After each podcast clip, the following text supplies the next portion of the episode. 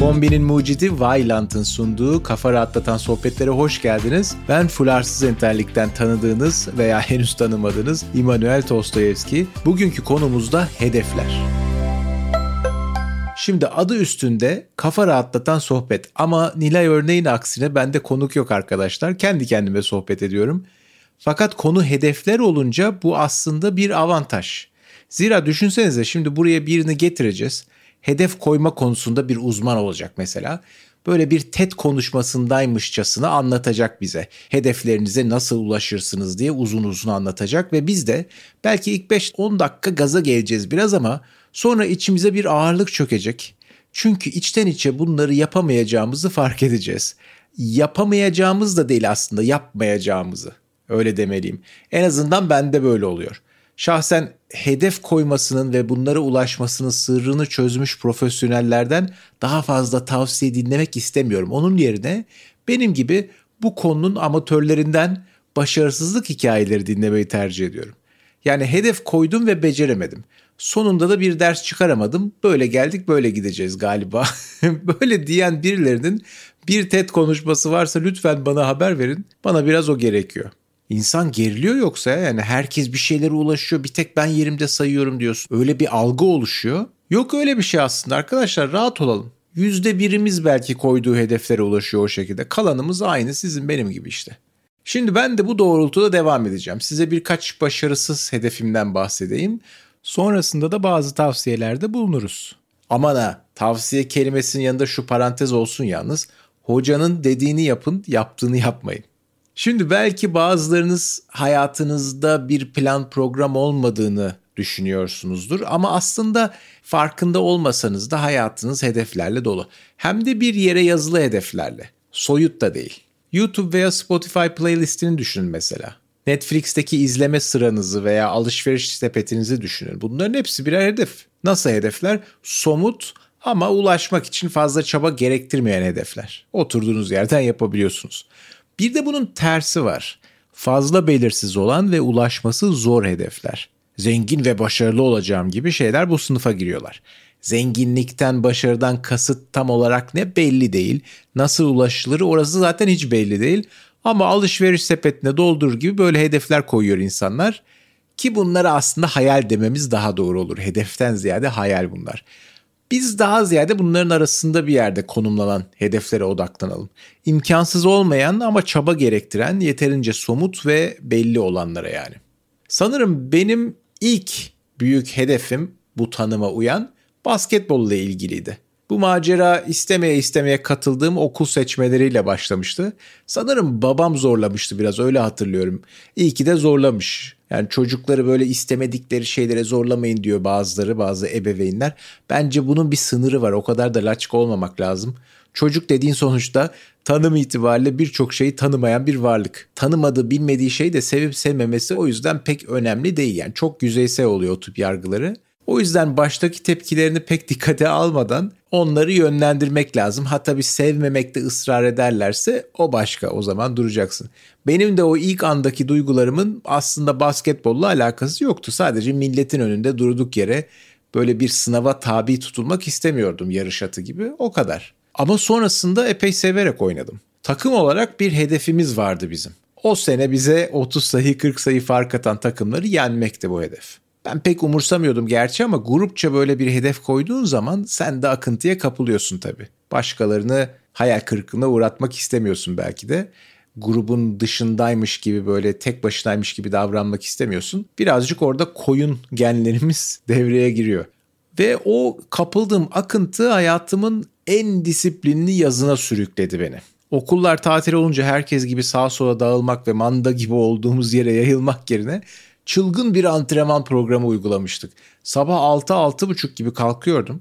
İki otobüsle Atatürk Orman Çiftliği'ne gidiyordum ve kondisyon idmanına başlıyordum. Takımca öyle yapıyorduk yani. Takımdaki herkesin de böyle bir hedefi vardı. Benimkisi sanırım 5 kilometreyi 22-23 dakikada gelmekti. Beceremezsem bir tur daha koşuyordum. Ama bu sadece başlangıç. Bunları yaptıktan sonra bir tepeye çıkıp çifter çifter sprint koşuyorduk defalarca o tepeden tekrar aşağı inmek de yokuş yukarı koşmaktan daha yorucuydu. Sonra birinin evine gidip takılıyorduk. İşte o yaşlarda ne yapıyorsak yapıyorduk. Oyun oynuyorduk. Neyse tepişiyorduk. Daha sonra akşamüstü 2 saatlik top idmanı. Bu sefer salona gidiyorsun. 2 günde bir bu tempoda gidiyorduk.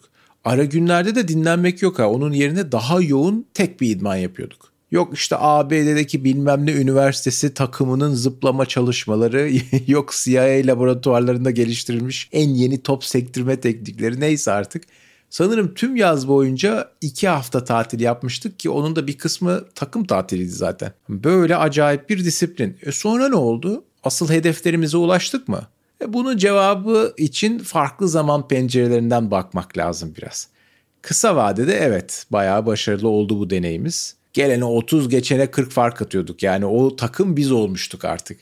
Turnuvalara gittik hatta milli takım seçmelerinde takımın neredeyse yarısı gitmişti. Bu açıdan başarılı yani bana disiplinli çalışmanın yarattığı farkı gösterdi. O sadece bir sene içinde inanılmaz bir ilerleme kat etmiştik. Bu gerçekten iyi bir ders oldu. Yani kitaplarda okusan anlamazsın ama kendini yaşayınca görünce anlıyorsun. Fakat daha geniş bir açıdan bakınca hedefimiz neydi?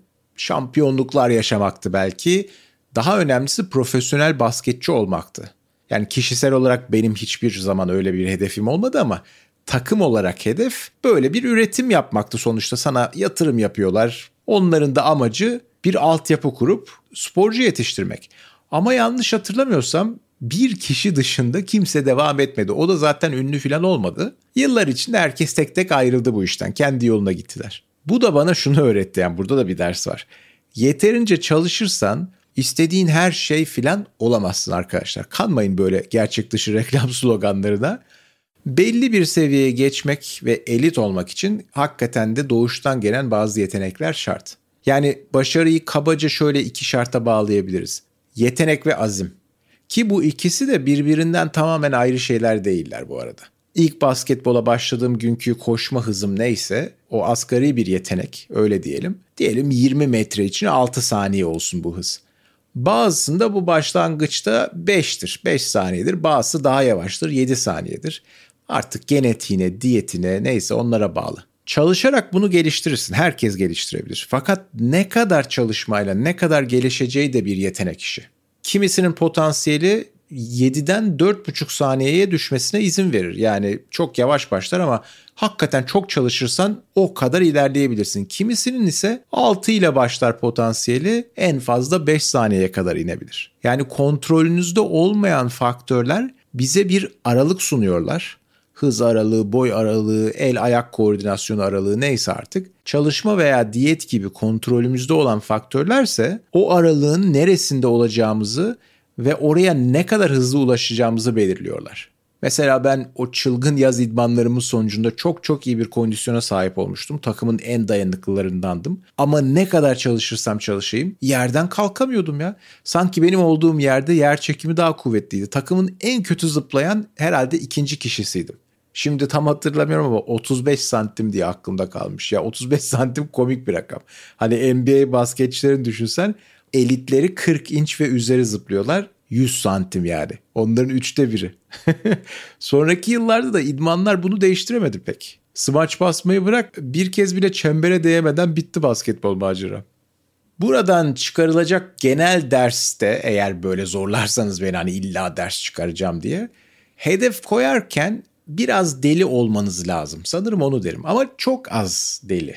Yani güzel bir yaz günü o öğrenci halinizle pazar sabahı 6'da kalkıp şehrin ta öte yanına gitmenizi sağlayacak kadar delilik mesela anca o kadar. Çünkü ancak o sayede yetenek aralığının neresine kadar yükselebileceğinizi anlıyorsunuz. Ama daha fazla delilik, daha fazla motivasyon yarardan çok zarar getiriyor bence. Hedefleri koyarken o aralığın sınırlarını da iyi tahlil edebilmek lazım. Ben hiçbir zaman 2 metrelik atletik biri olamayacağım bildiğimden beklentilerimi ayarlamam kolay olmuştu. Duvarlarımdaki NBA posterlerinin büyüsüne kapılıp okulu savsaklamadım mesela. Azmin de fazlası körlük getiriyor. Ne yazık ki motivasyonel konuşmalardan ortalık geçirmiyor ama akılcı, gerçekçi bir şekilde hedef koymasını öğrenmek asıl mesele. O konularda da pek bir rehber yok. Artık onu kendiniz bulacaksınız. Bu hedeflerle ilgili klişelerden biri daha kişisel anlamda konuşursak şimdi takım falan boş verin. Mesela yeni yıla yeni hedeflerle girmek. Şimdi baktım internetten Statista diye bir siteden. Yeni yıl dileklerinde bulunanların yaklaşık yarısı bir jimnastik salonuna kaydolup şekle girmeyi, kilo kaybetmeyi planlıyorlar. O yüzden de zaten Ocak aylarında jim üyelikleri tavan yapar. Kıyas için şöyle söyleyeyim. Mesela daha çok seyahat etmek cevapların sadece %24'ünde var. Daha çok kitap okumak %23'ünde. Yeni bir hobi edinmek %22. Sigarayı bırakmaksa %16. Fakat Şubat ayının ortalarında bu istek balonlarının çoğu sönmüş oluyor. Mayıs ayı bittiğinde ise bu yeni üyeliklerin 5'te 4'ü kaçmış oluyor zaten. E niye böyle dersiniz? Benim en sık rastladığım profesyonel analiz, bu durumun analizi bu tip hedeflerin çok büyük ve çok şekilsiz oldukları yönünde. O yüzden de insan nereden başlayacağını bilemiyor. Erteliyor sürekli. Bir hobi edinmek mesela orada demin söyledim ya. Nedir bu? Aksiyona dönüştürülebilecek bir şey değil. Onun yerine hedefleri daha ufak ve somut parçalara bölmek lazım. Mayıs ayındaki hedef kilom şu kadar mesela. Mart'a kadar uçurtma yapmasını öğreneceğim. Nisan'da da ilk uçurtmam göklerde olacak. Yerli ve milli uçurtmalarımız göklerde. Böyle hedefler daha önemli. Efendime söyleyeyim bundan sonra her gün bir tane daha az sigara içeceğim. Yani sigarayı bırakmak yerine bu şekilde azaltıyorsun. Daha somut hedefler koyuyorsun. Ben de mesela aynı tuzağa düşmüştüm. Fransızca öğrenmek gibi bir hedefim vardı. O kadar. Çünkü bir aralar oraya taşınmayı düşünüyordum. Daha doğrusu öyle bir iş olasılığı vardı. Ama hedef belirlemekten anladığım böyle bir şeydi işte Fransızca öğreneceğim. Fakat bunu kotarılabilir, ölçülebilir, zamana da bağlanabilir parçalara ayırmadım. Onu beceremedim.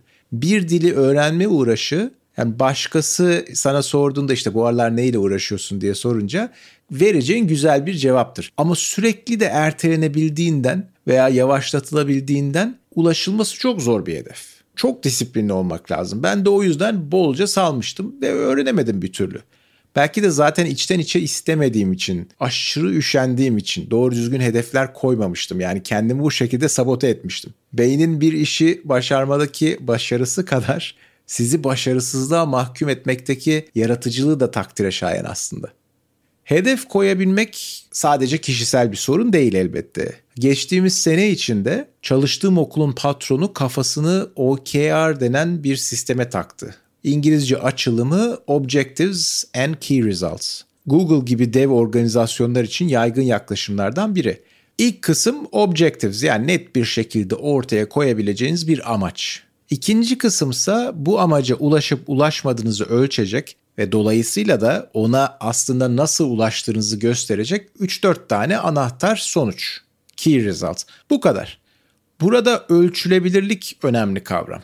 Ve genel olarak da ölçebildiğiniz sürece anahtar sonuçlarda yaklaşık %70'lik bir başarı oranı öneriliyormuş. Çünkü %100 başarılıysanız amacınızı yeterince iddialı bir şekilde oluşturmamışsınız demek. Kendinizi fazla zorlamamışsınız demek. Yok %70'ten daha azsa da o zaman tersine fazla iddialı olmuşsunuz.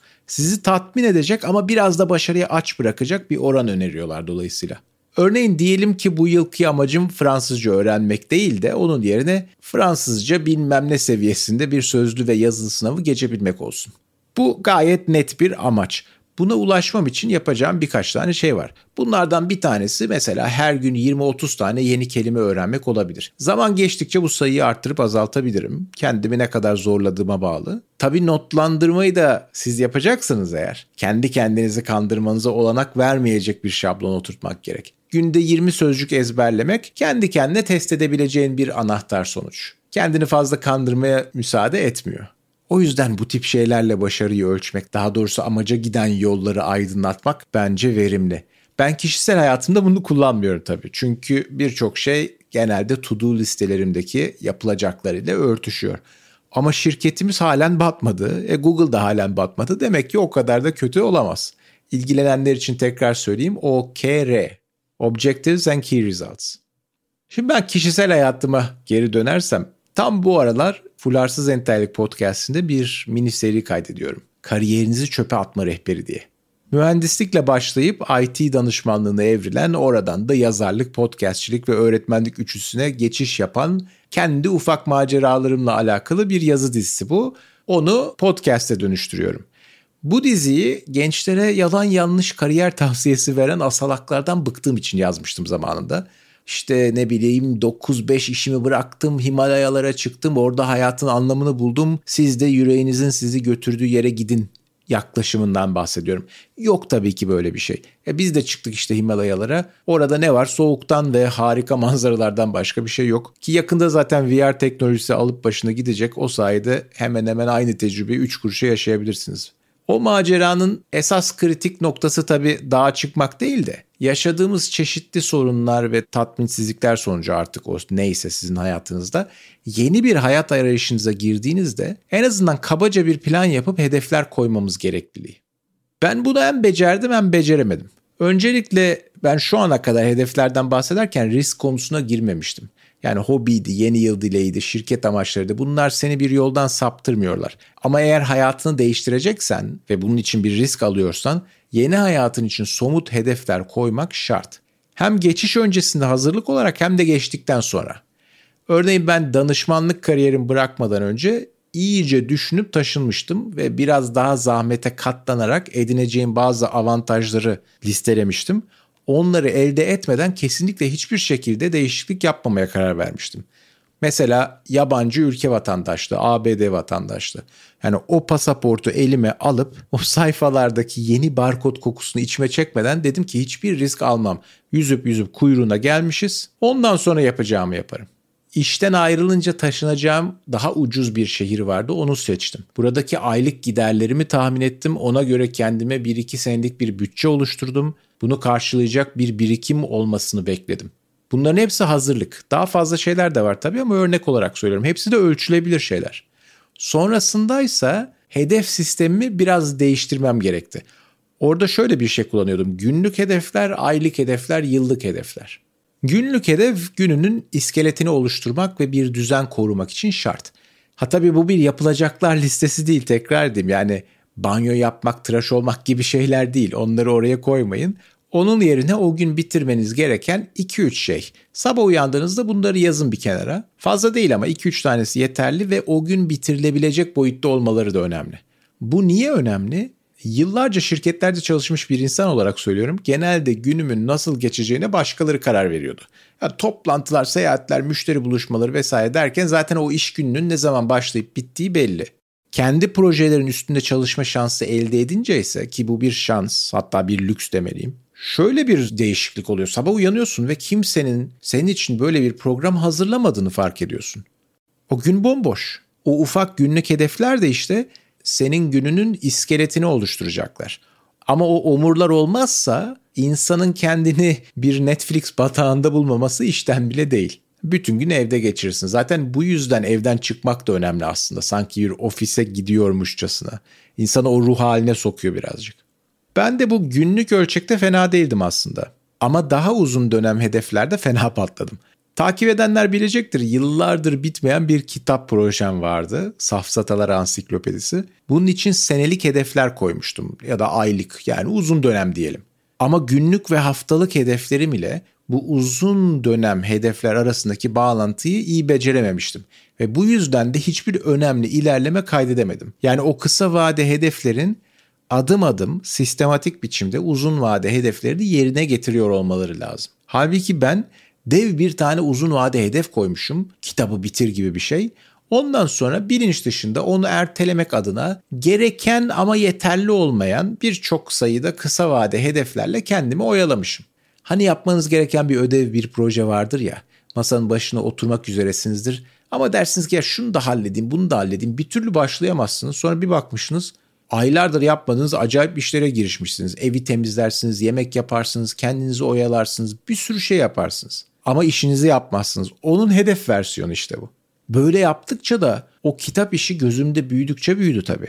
Tabii kitap yazmaya özgü bir takım engeller de var yani. Araştırmaya başlıyorsun mesela ve ilk halinden bambaşka yerlere gidebiliyor kafandaki proje araştırmana göre. İşte kafanda başıboş koşturan bu atı birinin dizginlemesi lazım. Ve o sen olamıyorsun bazen. Çünkü sana bıraksalar işini bitirmemek için 10 sene daha araştırma safhasında kalabilirsin. Ben de öyle yapmaya yeltendim. Yani araya hatta bir senelik bir dünya seyahati bile sıkıştırdım. Ağır ağır seyahat ediyoruz. Her gittiğimiz yerde gönüllülük yapıyoruz. O yüzden de bir ay kalıyoruz en azından. İşte kitap yazmak için şahane fırsat. Günde 4-5 saat gönüllülük yaparım. Kalan zamanda da kitap. 6 ayda biter. Böyle kendimi kandırıyordum. Sonra döndüm. Bu seyahat bitti, gönüllülük işleri bitti. Başka işlere başladım. Öğretmen oldum mesela. Daha sonra podcast başladı. Kendime de diyordum ki ya şu podcast işi de iyi oldu bak. Kitabı biraz geciktirecek, çok az geciktirecek ama çok iyi bir pazarlama aracı. Velhasıl sonunda o kadar gecikti ki bu iş. Tam olarak ne kadar geciktiğini hesaplamaya korktum. Hala da korkuyorum zaten. En az 5 yıl olmuştur tüm süreç. Anca Eylül 2020'de çıktı bu safsatalar ansiklopedisi. Yani karantina ve ekonomik kriz iyice derinleşsin ki satamayalım diye beklemişim. Tekrar edeyim benim yanlışım hedef koymayı unutmak değildi veya bir kanepeye gömülüp de böyle ömrümü çarçur etmek değil sürekli bilgisayar oynamak falan böyle şeyler değildi. Çalışıyordum, meşgul ediyordum kendimi. Hatta çoğu zaman şunu diyordum. Ya ben gerçekten iş sahibiyken bile bu kadar meşgul değildim. Nasıl olur bu? Benim sorunum bunlar değil de kısa dönem hedeflerle uzun dönem hedefler arasındaki kopukluktu. Ve o geciken uzun dönem hedeflerin ağırlığı altında ezilmemdi. Bu işler de işin açıkçası öyle kolay kolay çözülmüyor bence. Yani bakın bunları anlatıyorum ve halen sorun yaşıyorum. Şu anda önümde ikinci bir kitap projesi var. Başka başka projeler de var ve hepsi halen gecikiyorlar. Biraz karakter meselesi sanırım bu iş. Yani disiplinli koruma yeteneği diyeyim. Biraz da seçtiğin hedeflere dair tutkunla alakalı bir iş. Ve şunu yanlış anlamayın bir konu hakkında tutkulu olmak, onu sevmek demek onun yaratım sürecinin her adımını şevkle yapacağınız anlamına da gelmiyor. Ben kendi ilgilendiğim konuları araştırıp yazacak, podcast'e veya kitabı dönüştürecek kadar şanslı bir duruma geldim. İşim bu oldu. Fakat o konular hakkında bıraksan 20 saat aralıksız YouTube videosuydu, makaleydi tüketebilmek başka bir şey. Onları özümseyip yeniden yorumlayarak ortaya bir şeyler koymak yani yaratım süreci apayrı bir şey. O sürecin her adımını seviyor değilim. Bazısından nefret ediyorum hatta. Hani bazı insanlar der ya sevdiğin işi yaparsan ömrün boyunca bir gün bile çalışmak zorunda kalmazsın diye. Ama işte sevdiğin bir konuda bir alanda çalışsan dahi sevmediğin bir takım işler de yapmak zorundasın. Bu noktada kendi kendini ne kadar ittirebiliyorsun ve bu motivasyon gücünü bu hedef koyma teknikleriyle ne kadar ilerletebiliyorsun bunu tahlil etmeniz gerek.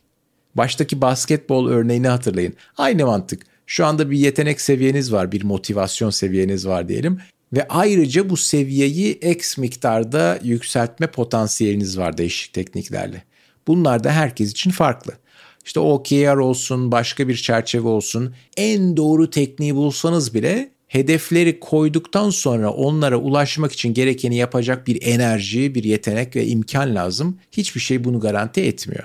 Bunun altını çiziyorum çünkü bu profesyonel üretkenlik gurularını dinledikçe doğru tekniği uygulayamadığım için hayatımı heba ediyorum kafasına giriyorum. Yani çarçur ettim hayatımı, potansiyelime erişemiyorum, her anımı verimli geçirmem lazım. Ah bir bilsem doğru tekniği. Bu kafaya giriyorum ve bu beni mutsuz ediyor. Rahatsız oluyorum. Bir miktar çaba göstermemiz lazım tabii ki evet.